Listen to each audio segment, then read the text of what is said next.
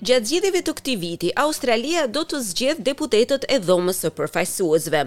Dhoma e Përfaqësuesve është një prej dy dhomave të parlamentit australian. Partia që merr shumicën e vendeve në këtë dhomë ka të drejtën që të zgjedhë qeverinë që do të drejtojë vendin për tre vitet e ardhshme.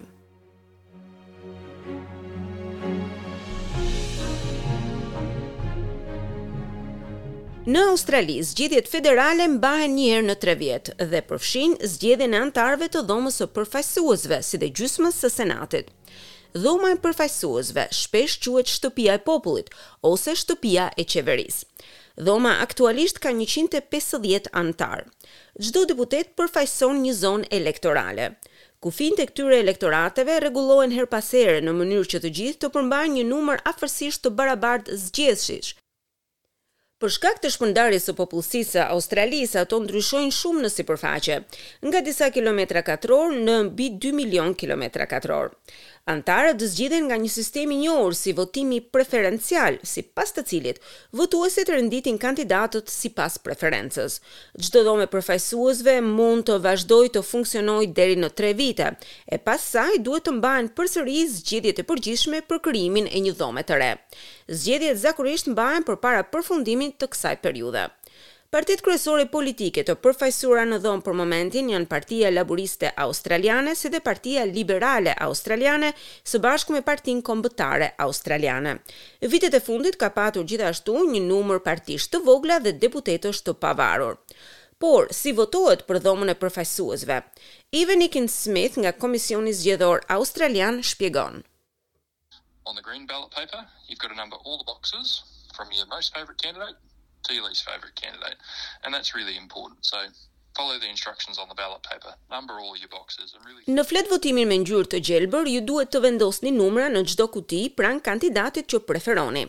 Dhe kjo ka shumë rëndësi.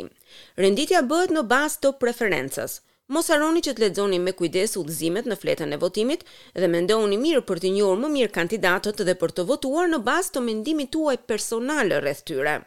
Ai thotë se ka njëqind e pesëdhjetë e një divizione në të gjithë Australinë dhe për secilin prej tyre do të zgjidhet një deputet. Kryeministri zgjidhet kur anëtarët e një partie politike votojnë për një lider dhe më pas kjo parti formon me sukses qeverinë në fuqi. Doktor Peter Chen jep mësime politike në Universitetin e Sidnit. Ai thotë se bazuar në zgjedhjet e kaluara, ky vit do të jetë shumë më i vështirë për partitë e vogla, të cilat dëshirojnë të sigurojnë vende në Parlamentin Federal. Some listeners might recall that in two thousand and nineteen, the Greens did make a big effort actually to pick up a few seats, usually um, inner city seats, uh, that were held by progressive ALP. Disa dëgjues mund ta mbajnë mend se në vitin 2019 të gjelbrit bënë përpjekje të mëdha për të marrë disa vende, zakonisht në zonat e brendshme të qytetit që mbaheshin nga anëtarë progresivë të Partisë Liberale, por në fakt nuk patën sukses. Elektoratet përcaktohen nga popullsia. Kështu që gjithsecili ka një numër të ngjashëm votuesit. Po siç e thamë, dendësia në territoret australiane ndryshon nga një vend në tjetrin, e si rrjedhim ndryshon edhe sipërfaqja e zonave elektorale. Personat e zgjedhur për Dhomën e Përfaqësuesve bëhen të njohur si anëtarë të parlamentit.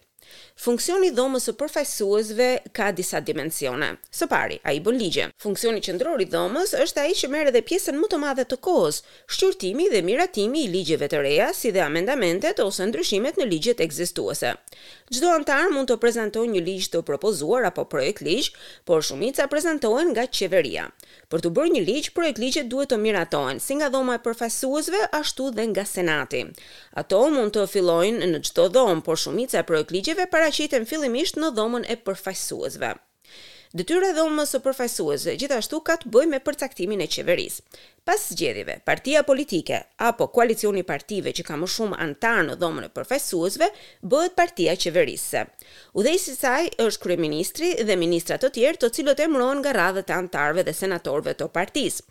Për të qëndruar në detyrë, një qeveri duhet të ketë mbështetjen e shumicës së anëtarëve të Dhomës. Detyra tjetër është publikimi dhe shqyrtimi i administratës qeveritare. Debati për legjislacionin dhe deklaratat e politikave ministrore, diskutimi i çështjeve me rëndësi publike, hetimet e komisioneve, bërja e pyetjeve të ministrave, anëtarët mund t'i bëjnë pyetje ministrave në interpelancë për çështje të cilat kanë të bëjnë me punën e tyre si dhe përgjegjësitë që i ka dhënë populli. Pyetjet mund të bëhen gjithashtu edhe me njoftim për përgjigje me shkrim. Detyra tjetër e Dhomës së Përfaqësuesve është përfaqësimi i popullit. Anëtarët e tij mund të paraqesin peticione nga qytetarët, të ngrenë shqetësimet dhe ankesat e tyre nëpër debate.